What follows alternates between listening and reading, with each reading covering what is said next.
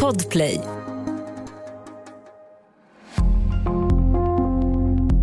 Välkommen till True Crime-podden Sommar.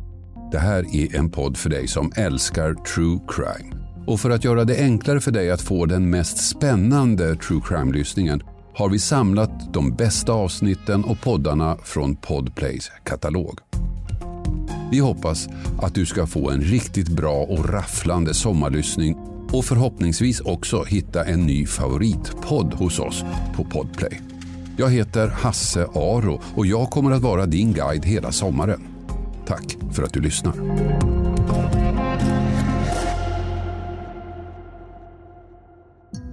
Idag får du höra ett avsnitt från den populära podden Mord mot mord med Karin Londré och Anna Sandell. Karin berättar om kvartetten Dödsänglar som härjade på det österrikiska Lines-sjukhuset under 80-talet och Anna om Amber Smith som hittades svårt misshandlad i en park i Colorado 2013. Flera år senare fick hon reda på att gärningsmannen som attackerat henne var närmare än hon trott.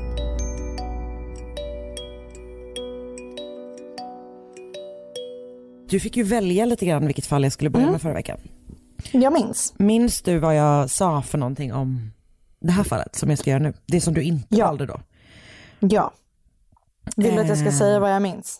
Eh, ja men det kan du få göra. Det var en grupp med, eh, jag kanske inte ska avslöja det. Jo men jag har ju redan sagt det i podden så att jag avslöjade Ah, själv. ja, just det. just det. En grupp med eh, eh, svarta änkor höll jag på att säga. Dödsänglar va? Ja. Ändå spännande. Ändå spännande, Eller absolut. Ehm, jag, sätter, jag sätter igång helt enkelt. Ja, jag kör. kan inte prata Kör, kör, perfekt. Eh, jo, det är så att det går rykten på paviljong antingen V eller 5. Vad tror du? Eh, fem. Bra, då kör vi på det. Det går rykten på paviljong 5 på, åh nej, Geriatricentrum. Det är säkert så geriatriskt Ger-. Exakt, jag antar Mm. det. Vad är geriatrisk? Det är ålder, alltså det är Ja. på ålderns höst. Vård på ålderns höst. Just det, då stämmer det absolut. Tror jag. Ja, tror jag. ja. Ja, Eh, Men det stämmer väldigt bra överens så jag tror att du har helt rätt i det. I alla fall, den heter det jag precis sa, Am Wienerwald på Lines-sjukhuset i Wien, Österrike i slutet av 80-talet. Mhm. Så 1988 kommer för första gången en rapport om ett misstänkt dödsfall. Det är en sköterska som larmar till en läkare. Men överläkaren på mottagningen förklarar för polisen när de kommer dit att det är så här, det är liksom inget konstigt med den här, det här dödsfallet och utredningen läggs ner. Men ett år senare så kommer det upp på bordet igen. För den 1 april 1989 så får en 80 år gammal man en insulinspruta trots att han inte är diabetiker. Uh-oh. Och han kommer att överleva, men han ligger i koma i flera dagar. Och när han vaknar så minns han inte vem som gav honom sprutan, men han minns att han liksom så här ifrågasatte att han skulle få den. Och överläkaren kopplas in och man börjar utreda vad som kan ha gått snett. Men historien fortsätter att rullas upp i en helt annan miljö. På en bar i närheten av sjukhuset eh, hör under samma period en, en läkare har liksom en, en, en grupp om fyra kvinnor som jobbar som, jag tror att de är vårdbiträden. Eh, om jag liksom har lyckats översätta det korrekt. Eh, så det är fyra kvinnor som jobbar som vårdbiträden eh, och de hörs då prata om en patient som de har behandlat. En äldre kvinna som har dött under deras senaste pass. Men det är liksom inte som det brukar låta kanske när man har förlorat en patient. Utan de pratar inte om det som att det är något tråkigt eller ens något negativt. Utan de är glada att den här patienten har dött. Det verkar till och med som att det är de som har dödat henne. Oh. Bum, bum, bum. Så till paviljong 5 på det här sjukhuset, Lines-sjukhuset, så kommer då framförallt eh, patienter som inte går att rädda. För många blir det liksom slutstation i livet. För precis som du säger så är det alltså vård liksom i, i livets slutskede. Eh, Och det vet ju alla som jobbar där såklart. Men trots det så har de de senaste typ ett och ett halvt, två åren tyckt att det är ovanligt många som dör. Eh, eller kanske typ ovanligt få som inte dör. Liksom. Okej. För även om de flesta är liksom svaga så är det inte så att alla är typ dödliga, dödligt sjuka. Alltså det är inte palliativ vård som de håller på med. Nej. Liksom. Så att de, de, de, börjar förlora fler patienter än vad, de, liksom, vad som är normalt helt enkelt.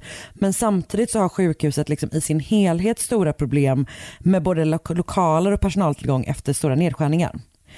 Så man har liksom Okej. väldigt så här fullt upp med att försöka få allt att gå ihop när det typ inte går ihop. Alltså du vet de har så här patienter liggande i korridorer och personal behöver utföra arbetsuppgifter som de inte är utbildade för. Okej. Och 1982 så börjar Waltraud Wagner som vårdbiträde på Lainz-sjukhuset. Och väldigt lite liksom, man vet väldigt lite om hennes bakgrund. Men hon är född 1960 så hon är typ 22 år gammal när hon börjar på sjukhuset. Och hon hamnar då snart på paviljong 5. Och eh, där börjar hon liksom arbeta tills hon då en dag 1983 får en fråga av en 77-årig patient. Den här patienten vill att Waltraud ska hjälpa henne att avsluta sitt liv. Eh, Hon är väldigt sjuk den här patienten och mår väldigt dåligt och eh, vill liksom få slut på sitt eget lidande helt enkelt. Och Okej. Waltraud då som alltså bara är 23 år gammal bestämmer sig för att hjälpa Oj, så henne. ung. Ja, Det jätteliten. går ju en tv-serie som jag inte vet vad den heter, så det är ett jättedåligt tips. Men på just det här temat som du är reklam för på TV4 jättemycket just nu. Va, alltså uh, sådana, mm, alltså mercy eller liksom, Ja, fattar. Hmm. Jag tycker det är jätte, jättespeciellt. Ja, alltså eh, är det liksom en dödshjälpssituation? Ja, alltså hon verkar jobba precis sådär, Mm. som sjuksyrra. Och sen så typ på fritiden så hjälper hon folk att avsluta si- sina liv. typ. Hmm, spännande. Ja, förlåt. Det, det, var, hörde ju- det spelar ju ingen roll att jag sa det där. Men jag sa det ändå. Ja, men det tycker jag var bra att du sa. Ah, Okej, Ja, tack. bra. Ehm, nej men, och eh, den här liksom, det här vårdbiträdet bestämmer sig då för att hjäl- alltså hjälpa henne med så här, göra som hon har bett om helt enkelt. Så hon höjer hennes morfindos till liksom dödliga nivåer och dödar henne liksom en överdos. Okej. Det verkar bara som eh, att efter det här så inser då Waltraud att hon gillar känslan av att döda. Att liksom leka Typ ha den makten. Ja exakt, bestämma lite så, vem som lever och dör. Och hon inser då också hur dålig kontroll det är på sjukhuset. Mm. Att man faktiskt typ kan komma undan med någonting sånt här. Man litar väl på att... Ja, okej. Ja men och sen så är det då också att så här, de, de, de, de har stora problem med att till exempel vårdbiträden eh, till exempel inte då har, har ett stöd av sköterskor i sitt arbete större delen av tiden. Och de är, förväntas också ehm, ge medicin på ett sätt som de inte bör göra liksom. Så att de har mycket större, större liksom eh, ansvar än vad de egentligen är utbildade för. Och hon är ju som sagt också väldigt, väldigt ung. Liksom. Så, det, så att jag tror att det är, en, det är en, en kombination förstås av att man, vilket man bör såklart, lita på vårdpersonal men också att man har varit tvungen att lita på vårdpersonal. Ja. Sådär. Och typ att man inte har någon koll på så här medicinförråd och sånt heller. Så att man märker liksom inte Nej. det heller. Nej, men så, under det kommande året så dödar hon liksom ett par personer till då och då. Än så länge så är det ganska mycket folk som så här, mår väldigt dåligt. Eh, hon jobbar ofta natt, vilket innebär att hon har liksom stort utrymme då att liksom hålla på med den här verksamheten. Och hon har också lärt sig att typ så injicera patienter och, och som sagt typ administrera medicin intravenöst och sådär. Det har hon behövt lära sig av andra, eh, av annan personal. Så att hon har liksom den kunskapen och, och även de, de arbetsuppgifterna typ. Men hon gör då någonting sen som jag i alla fall liksom tolkar som ganska ovanligt i den här typen av fall. Och det är att hon alltså re- börjar rekrytera andra vårdbiträden som liksom medhjälpare i det här dödandet. Så intressant. Alltså dödsänglar känns ju i allmänhet som verkligen så här, de opererar själva typ. Men du, Verkligen. Ja, men jag blev också lite osäker, apropå hans scare, liksom, om eh, huruvida ett fall är gjort eller inte. Ja, jag vill inte säga någonting, men jag har gjort det här. Oh my god, sluta. Jag skojar. och att jag bara låter det fortsätta köra Fan, på. vad hemskt. Nej, men däremot så har du gjort ett annat fall tror jag, med dödsänglar som opererade tillsammans, eller? Ja, jo, ett, eh, det var ett, par, ett kärleks... Ett par var det. Exakt, ja, precis. Ja. mm, Tänkte det. Ja, men då, då hade de Men det var typ inte en grupp på det sättet. Men ja, de var två, Ja, det stämmer. Men det Eh, var i eh, America, Ja men exakt. Tro- tror jag. Ja men jag tror också att Tror det var amerikanskt. Ja. Mm, Okej, hoppas att det inte var det här. var inte det där. Okej bra. så hon liksom börjar då rekrytera, alltså hon, she's going on a recruiting tour. Så ganska kort efter att hon har satt igång med sin skit så rekryterar hon två andra eh, unga kvinnor som också jobbar på nattskiftet tillsammans med henne. Den första är eh, Irene Laidolf. Hon är två år yngre än Waltraud. Så hon är alltså 21 år gammal när det här börjar. Hon har typ liknande bakgrund eh, som, som, eh, som henne, vilket jag inser nu att jag inte sa någonting om hennes bakgrund, så det var ju toppen. Eh, hon blir typ, Den var i alla fall som den andras. alltså jag var tror, på ett ställe så läste jag typ att så här, de kom från typ ganska stora österrikiska fam- familjer i mindre samhällen i Österrike. Men det var Okej. liksom, sen tog jag uppenbarligen bort det för att jag typ tyckte att det var för för lite information och jag bara läste det på ett ställe. Men, men, men nu, men ja, det är tydligen tillbaka i det här manuset nu. Ja, det var bra. Eh, Hon blir liksom lite så här, assistent till Waltraud. Hon är den första som får lära sig då hur man kan så här, injicera överdoser av lugnande medel för att mörda patienter. Hon är gift, men det står i flera källor att citat, she preferred to hang out with the girls. Och jag tror att det är menat som typ något negativt, men typ att jag tyckte att det lät ganska härligt. Ja, så känner man. Jag är inte ens gift, men så kan man väl känna ibland. Ja, alltså det- prefer to hang out with the girls. Alltså det, det finns ju inte likhetstecken mellan det och att vara en person som dödar gamla personer på sitt yrke Nej. Det kan vi ändå Nej. landa i. Bra. Den andra personen är Maria Gruber och hon är ytterligare två år yngre än Irene, så hon är bara 19 när hon börjar. Hon är ensamstående mamma som har påbörjat en sjuksköterskeutbildning men hoppat av. Och hon har typ fått, alltså de har så här legat på henne för att hon ska join in. Så hon har typ så här, alltså lite grann så tackat nej. Eh, två gånger innan hon för första gången är med under ett mord liksom. Hon är också typ verkligen, verkligen följare till Waltraud. Alltså det är Waltraud som leder hela tiden. Men, hon är, alltså, men de är också ah, liksom fysiskt aktiva i mördandet. Så det är inte det Okej. att de inte, inte gör någonting, men de gör det liksom på lite grann så uppdrag av Waltraud. Ja, jag fattar. De första fyra åren, åren så mördar den här trion då liksom sporadiskt på den här avdelningen och det sker oftast när de han- hanterar patienter som faktiskt är döende. Och det kan liksom så gå månader utan att de mördar någon. Men 1987 så händer något i och med att trion blir en kvartett. Okej. Då rekryterar Waltraud Stefania Mayer. Hon skiljer sig lite grann från den övriga gruppen som ju typ är ganska lika allihopa. Hon är äldre än de andra tre, hon är född 1940 så hon är 20, 20 år äldre än Waltraud. Och har också jobbat länge på det här sjukhuset. Hon är från Slovenien från början men har varit på Lines-sjukhuset sedan 73. Så hon, är liksom, hon har ju varit där långt innan de andra kom liksom. Hon har barn och barnbarn men jag är inte säker på hur liksom hennes familjesituation ser ut i, alltså i Wien typ. Men efter då att Stefania har joinat den här gruppen så liksom eskalerar eh, intensiteten. Alltså de börjar mörda jättemycket och liksom väldigt ofta och på ett litet annat sätt. Men det är inte så att hon tar över ledarrollen över no- eller någonting. Utan Nej. så Waltraud är verkligen fortfarande the leader of the pack typ. Eh, och Eh, det verkar som att typ den allmänna bilden är att liksom så här, hade hon inte varit med, hade hon inte tagit med sig de andra så hade ingen av dem mördat. Alltså det är liksom min, min Ah, tolkning okej. typ. Eh, men de kör på då tillsammans liksom. Så under de nattpaus, nattpaus, nattpass som Waltraud och de andra jobbar så dör det, kommer man senare fram till, sex gånger fler patienter än under nattpass när de inte jobbar. Okej. Och de har då ett par olika tillvägagångssätt som de använder sig av och blandar liksom mellan dem, vilket gör att jag tror att, alltså, det känns också, Man märker det inte, ja. Nej exakt, och det känns också lite ovanligt för just dödsänglar. Att det känns som att Mm. de flesta har typ ett MO och sen så gör det att man blir upptäckt. Men de Mm. kan ju hålla på skitlänge och som du säger, jag tror att det, att det, det spelar in liksom. Så ibland handlar det om att typ så överdosera morf- morfin då. Ehm, men ibland så ger de patienter också över, alltså, överdoser av lugnande medel som eh, flunitrazepam, alltså vilket är typ Rohypnol. Ehm, och så använder Det känns som det är många mediciner som slutar med PAM. pa, PAM. Också många typ så. Eller? American Mothers, Pam.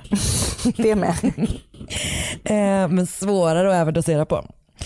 Och, eh, men som sagt så ger de då också insulin ibland till folk som inte har diabetes. Men sen gör de också en annan grej, alltså det här är så jävla hemskt. Eh, och så jävla typ läskigt och uträknat. Och eh, jag har aldrig hört talas om just den här metoden i den här typen av miljö innan. Ehm, så de har en metod när en av dem alltså, trycker ner patienten och håller igen näsan på den Nej. och en annan trycker ner tungan och häller, alltså sitter liksom över och häller i vatten i munnen. Och det gör då att patienten alltså får vatten i lungorna. Och Men gud. liksom drunknar i sin egen säng. Fan vad obehagligt. Och det gör ju att så här, de gör det på vissa typer av patienter som typ inte sällan dör med vatten i lungorna ändå. Liksom. Så Okej, att de använder vilka- sig också av, ja men att det typ är en så här, det är förekommande liksom när vissa är väldigt sjuka är ju att man får vätska i lungorna liksom.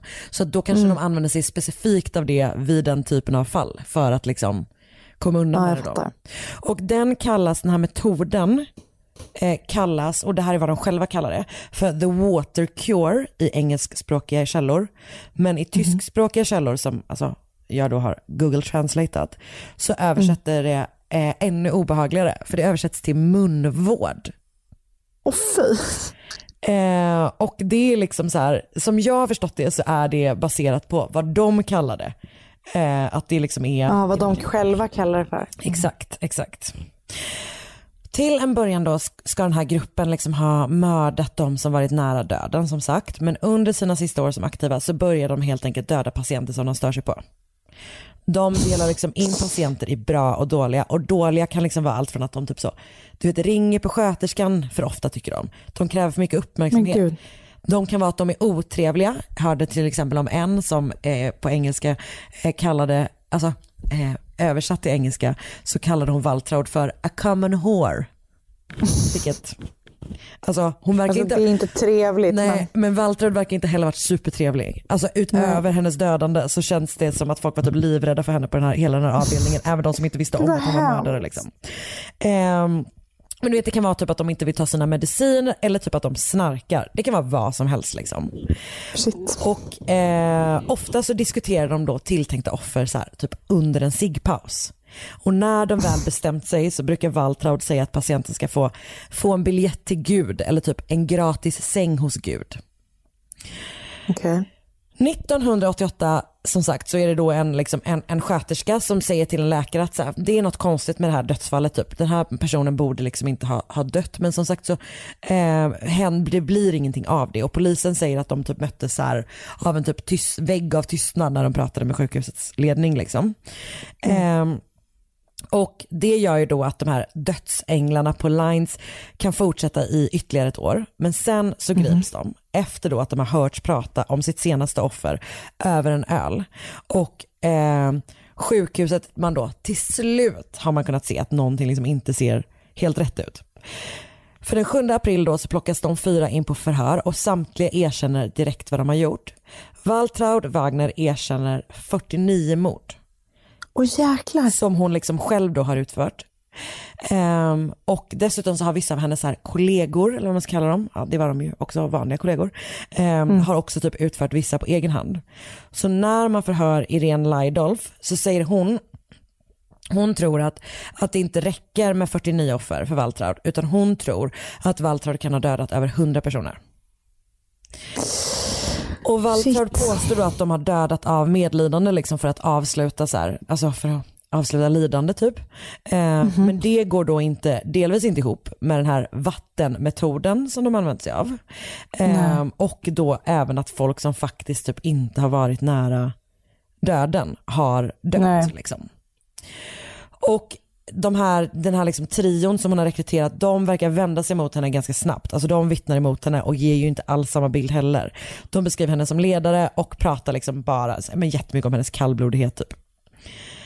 Hon drar tillbaka alltså sitt, sitt de- erkännande delvis och jag tror att det har att göra med just att de, alltså så här, att hon hon inser, och typ får säkert hjälp av en advokat att inse att hon inte kan hålla uppe fasaden av att det var liksom medlidande som gjorde det när det är så jävla jävla många liksom. Så till slut då så erkänner hon istället eh, tio mord, vilket ju fortfarande är asmånga men ändå en liksom eh, markant ja. minskning. Och det blir liksom sånt jävla kaos i Österrike av det här fallet. Eh, delvis för att det liksom är så här, ett mördargäng på fyra kvinnor som har alltså under sex års tid dödat liksom äldre på ett sjukhus. Alltså det är, det är sån jävla extrem historia det... liksom. Uh. Eh, det är liksom någon politiker du vet som går ut och jämför dem med typ Mengele. Och du vet att det är mm. mycket typ så att de i allmänhet drar koncentrationsläge i jämförelser. Eh, det verkar mycket, även i källorna, mycket verkar vara mycket. Mycket concentration camp eh, som man droppar där. Eh, mm. Men också då för att så här, Alltså att det blir ju en vårdskandal också. Alltså man har typ en känsla mm. av att så här, Var det här 81, sa du det? 80, 83? 89. Mitt eh, födelseår. Ja, exakt. Första april 89. Ja, då har det fanns inte. Mm. Så det är ändå så här, alltså det är ju skitlänge sedan, det är ju inte det. Men det är inte faktiskt 20-tal. Ja, alltså, så länge sedan var det väl inte? Du vet vad, det var bara aslänge sedan. det var nästan 100 år då. Gud, alltså det var verkligen nästan 1889. Förlåt. Eh, nej men, men att, liksom att så här, man har känslan av att så här, Alltså, det här borde inte vara möjligt typ Nej, om systemet alltså, inte hade varit ruttet. Liksom. Att de... Inte så här nära i tid. Nej men att de har... Nej men det är, förlåt, jag, nu ska jag vara det, här, det var ju bara här om sistens. Alltså det var ju bara alltså, jättekort tid. Ja, alltså typ fjortis, fjortis nyligen. Exakt så. Jag vill så himla gärna vara fjortis. Ja, men det är du hjärtat, det är du. Mm, tack, i sinnet i alla fall. um, nej men att det liksom är så här, de borde inte haft, de borde inte haft det här spelrummet helt enkelt. Alltså och, 100% inte. Och typ att man också inte, man har inte märkt att folk har dött, man har inte märkt att mediciner har försvunnit och, och mm. eh, överläkaren på sjukhuset får liksom lämna sitt jobb, alltså han får sparken efter att det här kommer fram liksom. Och, ah, okay. eh, det är typ så här, det blir en sån outrage, vilket är så jävla hemskt, mot typ sjuksköterskor på det här sjukhuset. Man bara, de har inte gjort någonting. De Nej. gör alltid bara sitt fucking bästa typ. Mm. Uh, inte för att jag säger att vårdbiträden inte gör det. Det här är ingen kritik mot vårdbiträden. Okej okay, Karin. Förutom mot de här spec fyra specifika vårdbiträdena uh. som jag ändå känner att jag kan unna mig och Det, det kan du sticka ut hakan. Uh. Verkligen.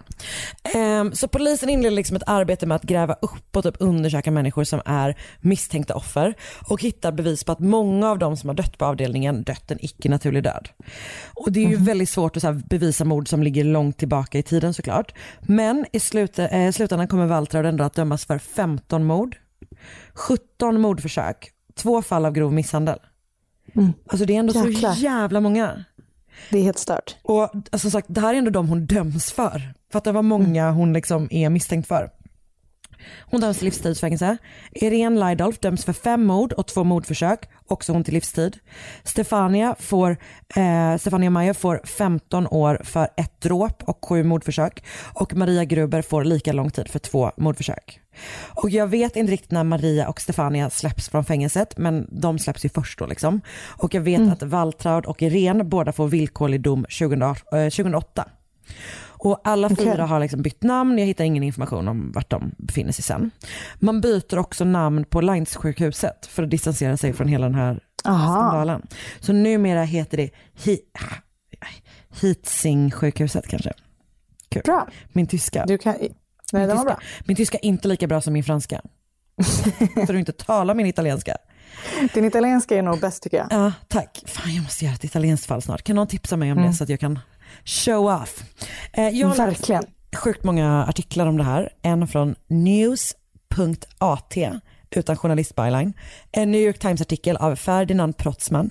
En Spiegel-artikel av Lazar Bakovic. Bakovic, en Vice-artikel av Marcus Höller och en Die Presse-artikel av Maria Kronbichler samt en artikel på missingdoe.com och även den utan journalistnamn och eh, ja, men liksom ett par till just så här random eh, artiklar. Och jag länkar förstås allihopa i vår Facebookgrupp. Underbart. Dödsänglarna på Lines. Vet du vad? Vet du vad jag är ganska Nej. sugen på att du ska göra?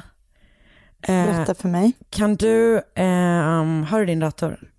Ja. Kan du googla Lines Angels of Death och bara kolla på en bild på de här personerna? Alltså det är bara riktigt starka, brutala 80-tals mugshots. Jäklar. Japp. Alltså vilket jävla Vem är gäng. vem? Jag tror att eh, hon i glasögonen, Mm. det är Waltraud Wagner. Ja, Och sen hon ser ut som en riktig ledare. Ja, nej men man ser ju, hon är typ lite lik min, hur min mamma ser ut då. min mamma är fan också en jävla ledare. Tack för att du inte har ringt det Men här förut. eh, varsågod. Men låt det inte bli en vana.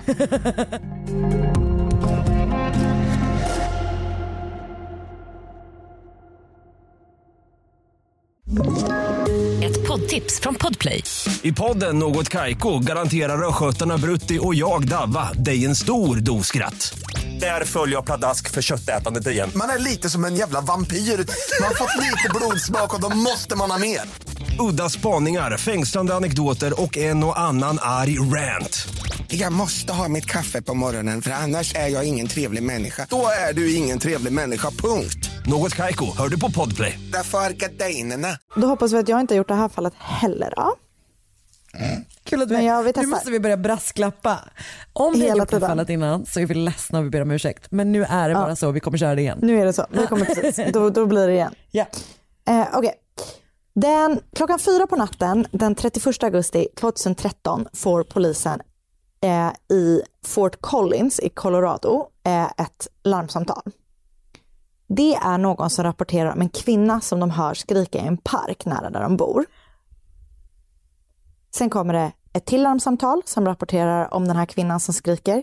Sen kommer ett till och ett till och ett till. Alla har hört den här kvinnan ropa hjälp upprepade gånger. Så polisen rycker då ut och de åker till Cottonwood Glen Park i Fort Collins.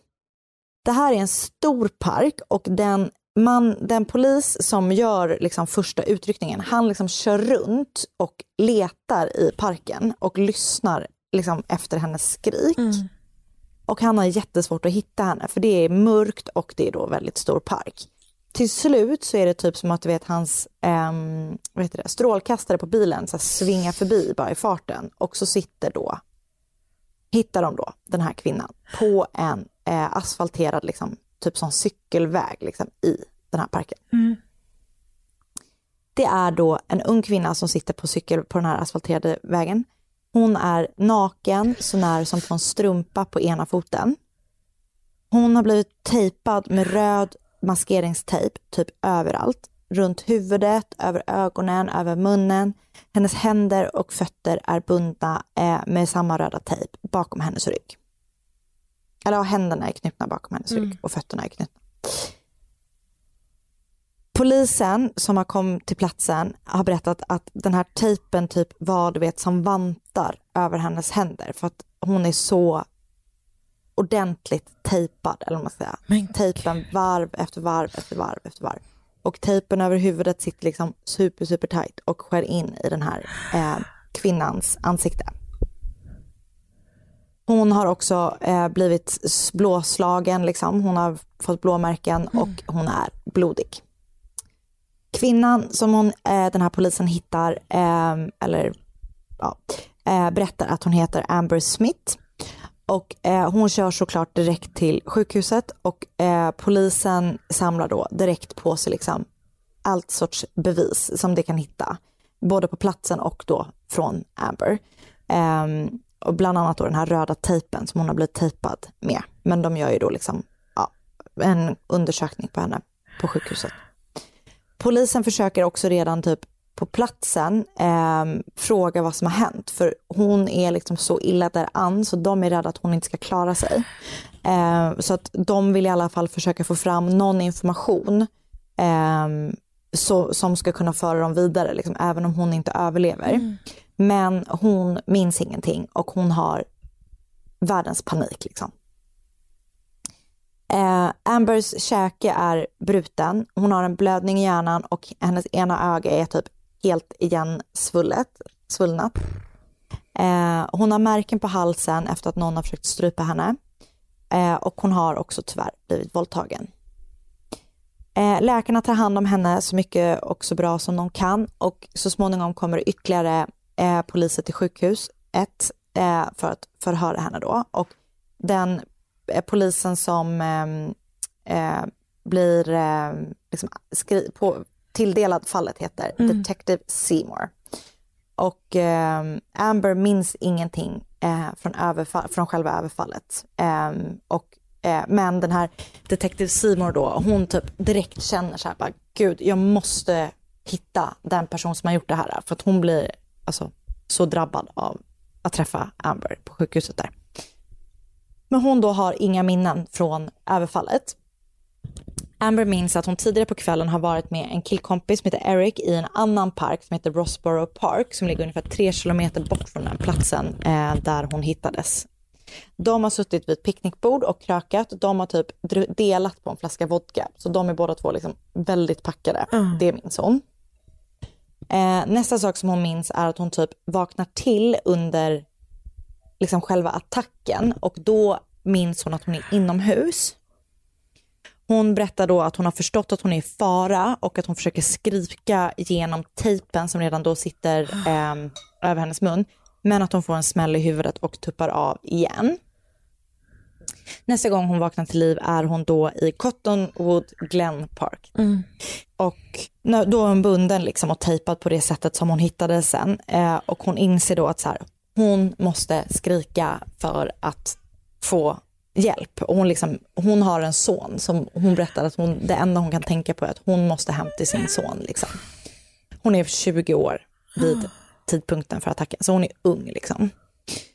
Eh, och hon har då den här sonen Gabriel och hon är ensamstående mamma till honom och ehm, hon pluggar och du vet, jobbar extra och så här. Hon är liksom en helt vanlig, ung, ensamstående mamma typ, som har varit ute med en polare eh, på kvällen och så händer det här. Också, det låter som en, det är som en mardröm. Alltså det är så sjukt läskigt. Polisen vill såklart komma i kontakt med den här killkompisen Eric då, som hon har druckit med tidigare den kvällen som hon blev överfallen. De får först inte tag i honom, men ehm, till slut får de det. Han bor fortfarande hemma hos sina föräldrar och eh, han berättar samma story som det som Amber kommer ihåg. Han berättar då att de har suttit i Rossborough Park och druckit och att de sen har skilts åt. Eh, för att han, han berättar att han har alltså lämnat henne i parken efter att hon har däckat. Eh, efter att de då har druckit för mycket vodka. Mm. Så han är pretty shitty friend kan man säga. Men han då menar att han är oskyldig till liksom någonting vidare. Han, liksom, han får ju väl dåligt samvete antar jag. För att han har liksom lämnat sin kompis och sen har det här hänt. Men han liksom säger så här, jag hade ingenting med det här att göra. Polisen har lyckats säkra DNA från brottsplatsen. Dels så hittar de sperma i en sån här vaginal swabbing ehm, och så hittar de då DNA på tejpen som hon har tejpats med. Och ehm, den DNA matchar då, de, de DNA-testerna matchar då inte Eric. Så att de är bara så okej han har då inte gjort det här troligtvis. Ehm, och när de hittar DNA, eh, liksom DNA på platsen så är de ganska säkra på att de kommer att hitta gärningsmannen liksom ganska snabbt.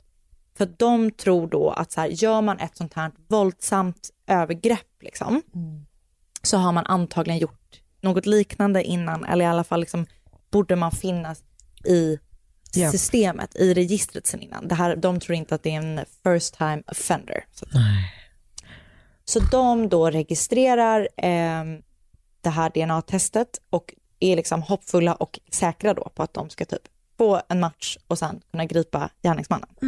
Det är bara det att det blir ingen träff. Eh, I väntan på liksom att de ska komma vidare i utredningen så flyttas, alltså eftersom de inte vet vem det är och de är rädda typ att hon ska kunna bli attackerad igen, så först får hon, när hon ligger kvar inne på sjukhus så ligger hon under ett annat namn. Eh, för att de inte vill att någon ska kunna söka upp henne. Sen när hon flyttas från sjukhus så fly- flyttas hon till ett så safe home där hon ska vara skyddad. Men hon känner sig såklart jätte, jätte otrygg och jätterädd och jättefrustrerad över att de inte kan hitta den personen som har gjort så här mot henne. Typ ungefär två år efter att överfallet har liksom skett eh, så har polisen fortfarande inte kommit ett endaste steg längre i att hitta den som är skyldig. Och, eh, eller men då flyttar Amber in, eh, jag tror att hennes son flyttar med, han är då runt fem år gammal när det här händer, i något slags kollektiv, alltså typ ett hus där hon bor då med andra kompisar. Mm. Eh, och det här är då första gången beskriver hon själv som hon liksom börjar känna sig lite trygg efter det här överfallet. Det är så hemskt. Men det är så jävla sorgligt.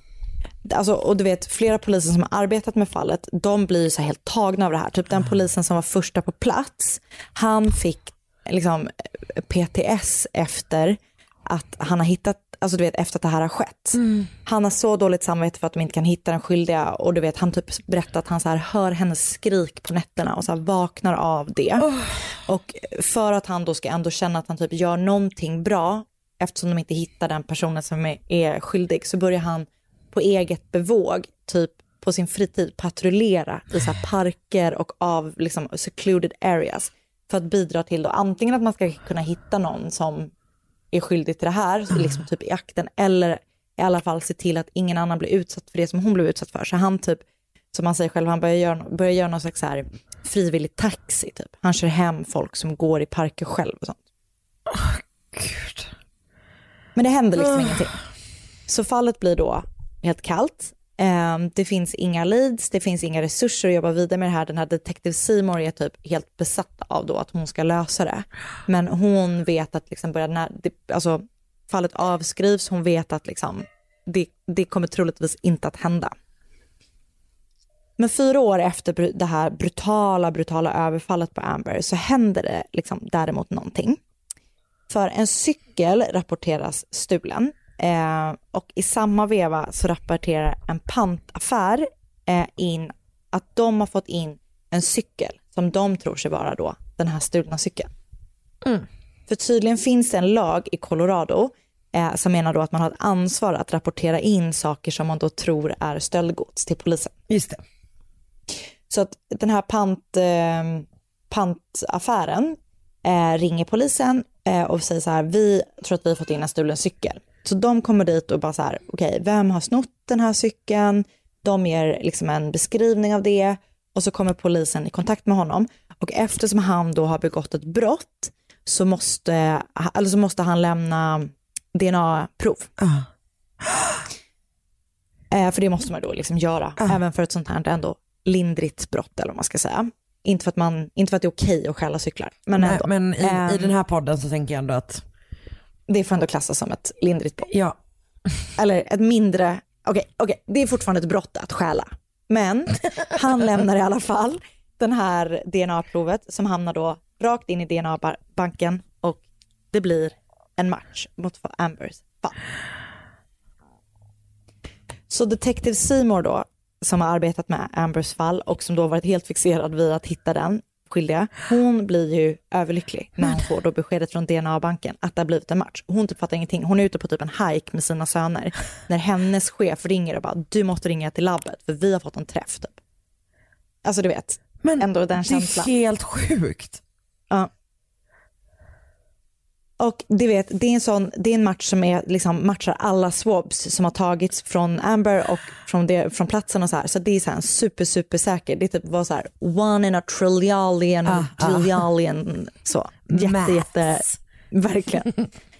Ehm, och det är typ, Detective Seymour bara så här, hon bara, det, den personen som visade sig, som var matchen, var inte riktigt så som jag hade förväntat mig. Men hon ringer i alla fall upp Amber då och ber att få komma dit och så, när hon väl har kommit dit så berättar hon då att de har gjort ett genombrott i fallet. Jävlar vad sjukt.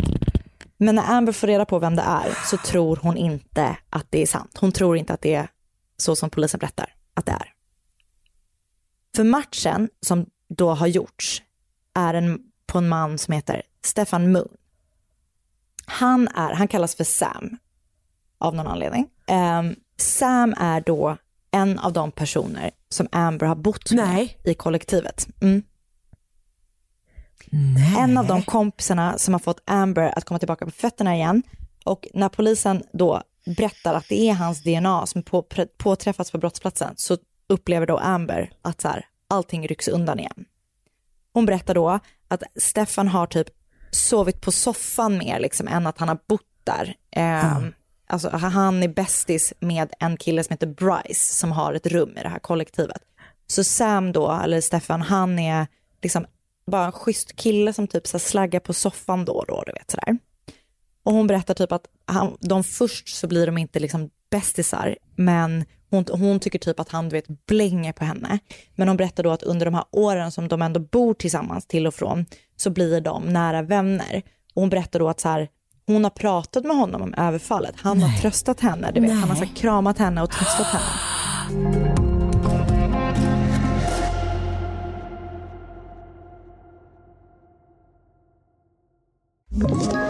Ett poddtips från Podplay.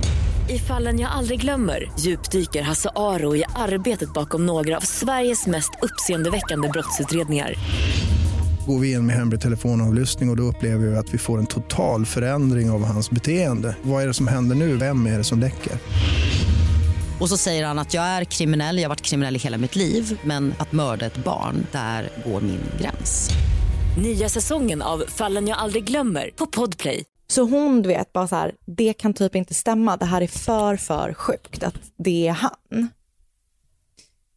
Men när det då till slut liksom har landat att det är så här, det är han. Det, alla, det, är liksom, det här DNA-testet är Ah, det är sant liksom. ound, Ah. liksom, det går in, det är tyvärr så typ. Så, och när hon då typ har accepterat det, eller vad man ska säga. ehm, och det, ja, när hon väl har gjort det, och det som jag ska berätta nu, det är så sjukt tycker jag. För Amber blir då frågad av polisen om hon kan tänka sig Nej. att ringa upp honom och konfrontera honom. Nej. Vad fan. Mm. Och hon går med på det. Nej men hon går med på det. Ja, Jag vet, det, är- det är stört. Jag tycker så synd Äh. om henne. Mm. Ah, Okej, ja. Åh gud vad Men sjukt. hon, hon går med på det för trots att hon typ inte riktigt så här har, alltså vet hon har så här, okej, det är väl han då, men hon kan typ, du vet, känslomässigt inte riktigt så här acceptera att det är så. Men hon ringer i alla fall upp till honom då och så kallpratar, och det här samtalet finns då inspelat. Har du hört det? Och så, ja, det är helt stört. Eh, och de typ så här kallpratar lite innan hon är så här, du, du vet det här överfallet som jag har pratat med dig om? Och han bara, ja visst så här. Hon bara, det visar sig att eh, de har fått in en DNA-match nu och det visar sig att det är ditt DNA. Och då är han bara så här, eh, va? Nej, det kan inte stämma, jag skulle aldrig ha skadat dig och du vet så. Och hon bara, men det är ditt DNA, jag vet inte liksom hur, eh, vad säger du om det typ? Vad menar du, hur kan det inte vara du? Eh, och han är bara så här, nej, nej jag har inte gjort det här, jag skulle aldrig ha gjort det här, jag förstår inte vad du, du vet, jag vet ingenting, jag fattar ingenting. Och hon är typ så här, men vi hade ju aldrig träffats innan 2015 när jag flyttade in i kollektivet, så hur förklarar du att ditt DNA liksom kunde finnas i mig redan 2013? Och så till slut så säger han då så här, men gud, det var ju du i Rossborough Park. Och hon bara, eh, ja. Han bara, vi hade sex. Jag har inte gjort dig illa, men vi hade sex. Vi hade liksom samtyckessex i parken. Ja. Just det, när, Han hon, säger- var däckad. Just det, ja, Nej, absolut. men, Ja. och hon, han säger då, och det här är också så jävla störigt, han säger att hon var giving out sex in the park. Oh my god. Alltså, Och hon är bara så här, va? Vad menar du? Och han bara, ja, vi hade sex i parken, jag har inte skadat dig, det här var liksom frivilligt, jag eh, lägger på nu. Och så lägger han på luren. Men han grips ju såklart och liksom konfronteras med det faktum att så här, det finns supertydliga DNA-bevis. och det var väl inte bara på, alltså det var väl inte bara liksom sperma, utan det var från på Nej, tejpen han- och sånt med väl? Precis, för han försöker ju vara så här, förklara då att så här, ha, vi har ju legat med varandra. Ehm, så det är därför min sperma finns där. Och hans historia är då att han har svarat på en annons på Craigslist ehm, som Amber då ska ha lagt ut om gratis sex i Rossborough Park. Just det, var det här innan eller efter hon drack en halv flaska vodka? Oh my god. Nej men det är, ja. Så han säger då att han har svarat på den här annonsen, kommit till Rossborough Park, när han, för han har precis då eh, separerat från sin fru när det här händer. Han berättar då att när han väl har kommit dit så har han då inte sett den här kvinnan som då är giving out sex i Rosborough Park. Han har inte sett henne i ansiktet. Men de har haft sex med varandra och sen har han då åkt hem. Hem till sin rummes Bryce Bailey som också är den kompisen då som sen har bott med, ehm, med Amber i kollektivet. När han har kommit hem till Bryce så har han då berättat att det är en kvinna då som har lagt ut den här annonsen om sex i Rosborough Park. Och ehm, eh, det var även, ja precis, jag glömde säga det, det var även Bryce cykel som, som var stulen. Du vet, tidigare. Ah, okej. Ja. Eh, men jag kan berätta mer om det sen. Ehm, och då, då har, då- när han har berättat då för Bryce här, åk till Rossborough Park för du får gratis sex, Men, så har Bryce då åkt dit. Så han berättar då att Bryce har åkt dit och då har Stefan gått och lagt sig. Och att han sedan har vaknat upp av att han har hört att Bryce har kommit hem med en kvinna. Sen har han hört då en kamp i huset och han har hört då en kvinna skrikit i rummet bredvid. Stefan berättar då att han har kikat ut ur sitt rum under dörren, alltså i dörrspringan under dörren. okej. Och då har han sett hur Bryce då har burit iväg en livlös kvinna. Och när han berättar det här så är han riktigt sån hulkgråtning. Okej. Ja, så han berättar då att han har sett det här och när han har sett det här så har han ehm, konfronterat Bryce. Fint av honom. Och, mm, och då har Bryce sagt så här, ja ah, okej det här hände, men if you fucking say anything I'll kill you, typ så. Men också, Så han har inte vågat gå till polisen. just det. Men också typ så här, det oroar mig hur stor grej det är för de här killarna att med gratis sex. Alltså att det är liksom så här, man bara, det är, det, är det så stark norm i, du vet det är som när det var så här godisregn när de öppnade en ny godisaffär. Ja, ja. Att de bara, they're giving out free sex. Man bara, most of the sex you should be getting är Ja. gratis liksom. Ja men och han, jag tror han försöker väl så här rättfärdiga liksom att han tycker att, alltså du vet han har precis blivit lämnad av sin fru. alltså du vet att han, you, han liksom alltså. försöker hävda att han inte är sitt vanliga jag, du vet hela den, eh, hela den biten. Så nu har han Så han stulit står- Bryce cykel och slängt honom under bussen för det här brottet. Ja men lite så. Ja. Så han står, Stefans story då är typ att han har haft sån sjuk otur. Att han har då liksom råkat ha samtyckessex med en kvinna som han sedan har lämnat i en park, park som sen har då däckat, blivit överfallen och nästan till mördad efter det. Av då hans kompis. vän. Alltså det är ju helt, det är ju inte troligt alls. Nej det är inte supertroligt. Okej. Nej. Och polisen försöker då först och främst hitta den här påstådda annonsen på Craigslist. Eh, för tyd- jag, alltså, det kan man kanske tänka sig. Idag förekommer inte sexannonser på Craigslist. Det gjorde det tydligen eh, 2013. Ja. Men så Craigs, de får liksom, Craigslist får alla detaljer då som eh, Stefan uppger då ska finnas i annonsen. Eh, men den finns inte. De hittar inte en sån annons. Liksom. Polisen kan också dementera eh, det faktum att Stefan skulle ha sett, kunnat se överfallet på Amber under hans dörr, det är alltså genom dörrspringan. För att som de kollar, du vet, så här, hur mycket kan man se? Och det är typ att de säger så här, Detective Seymour är typ så här, man kanske kunde se en häl, typ. inte mer än så. Nej. Och Stefan har liksom beskrivit, du vet, så här, jag såg henne hänga helt livlös över hans axel. Alltså, it ain't possible. Nej. Det går inte. Så pratar de ju såklart med Bryce då. Och när han får höra då den här historien som Stefan har berättat så är det typ att han bara, det här är helt jävla befängt typ. Han har absolut ingenting emot att lämna sitt, sitt DNA för att bli utesluten som misstänkt. Och han menar att Stefan har antagligen liksom dragit in honom i det här bara för att han liksom råkade se till att han åkte fast för cykelstölden då. Vilket då i sin tur ledde till liksom, hela den här stora eh, faståkningen. Mm.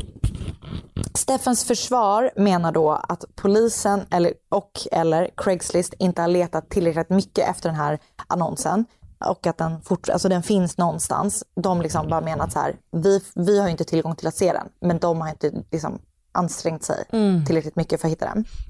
De menar då att DNA som är hittat på Amber kan förklaras med att de då har haft samtyckessex och att hans sperma ska ha spridit sig då till andra ställen på kroppen. Så att det skulle liksom ha varit cross contamination. Det är ju bara det då, precis som du var inne på, att det var ju inte bara sperma som hittades utan det var ju liksom då typ hud och hår och sånt också. Och det DNA hittades på insidan av tejpen, vilket då liksom antyder att det faktiskt är den som har tejpat som har... Alltså, Ja, ja. det är också bara hans DNA, förutom hennes då, som hittas på tejpen. Det är liksom ingen annans. Alltså, Ehm, ja, och det har försvaret typ inget bra svar på riktigt. nej, skräll. Ehm, hans familj liksom är övertygade om att det inte kan vara han, såklart.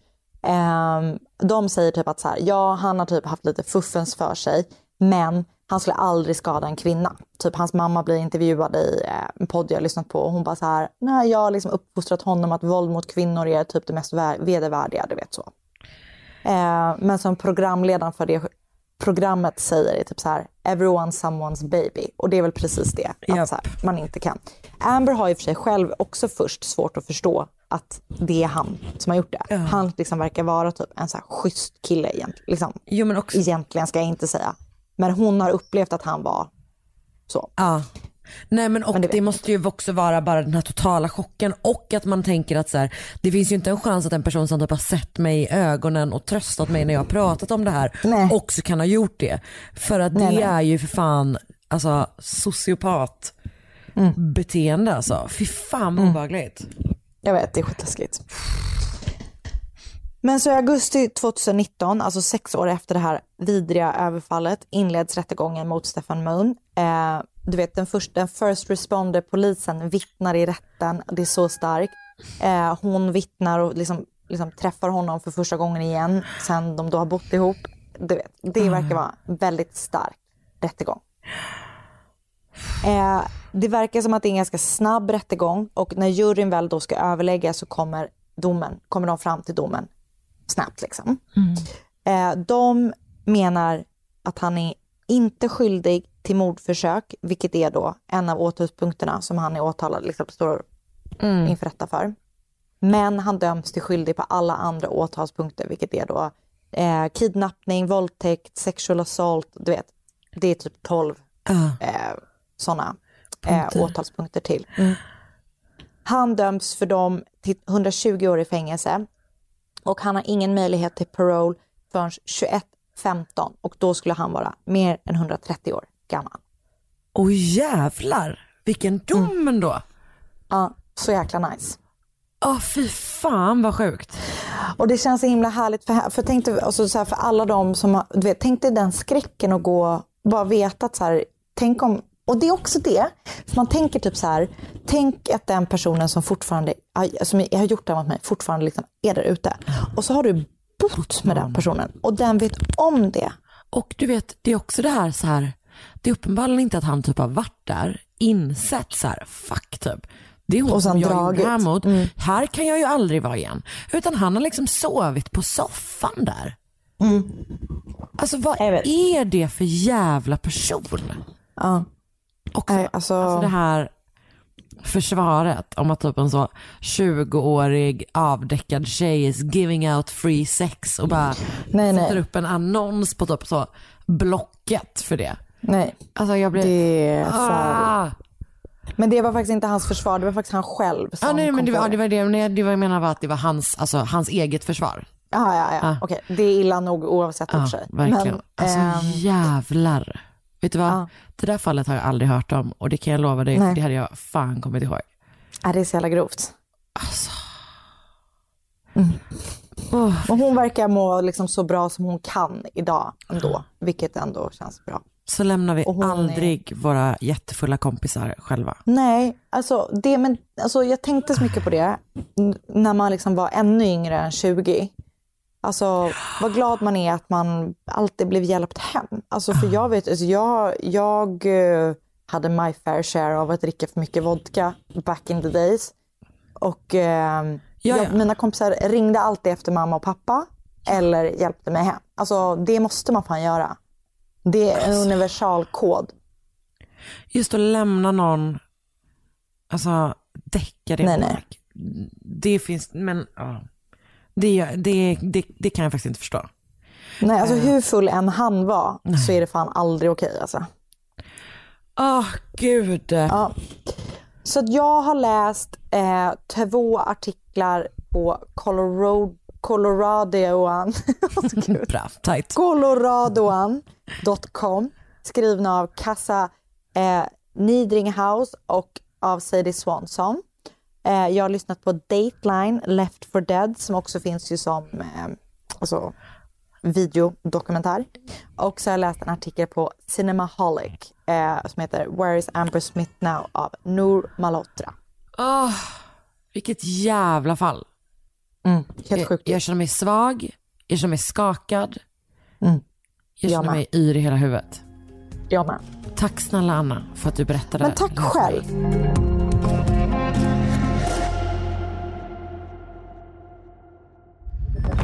Podplay, en del av Power Media. Ett poddtips från Podplay. I fallen jag aldrig glömmer djupdyker Hasse Aro i arbetet bakom några av Sveriges mest uppseendeväckande brottsutredningar.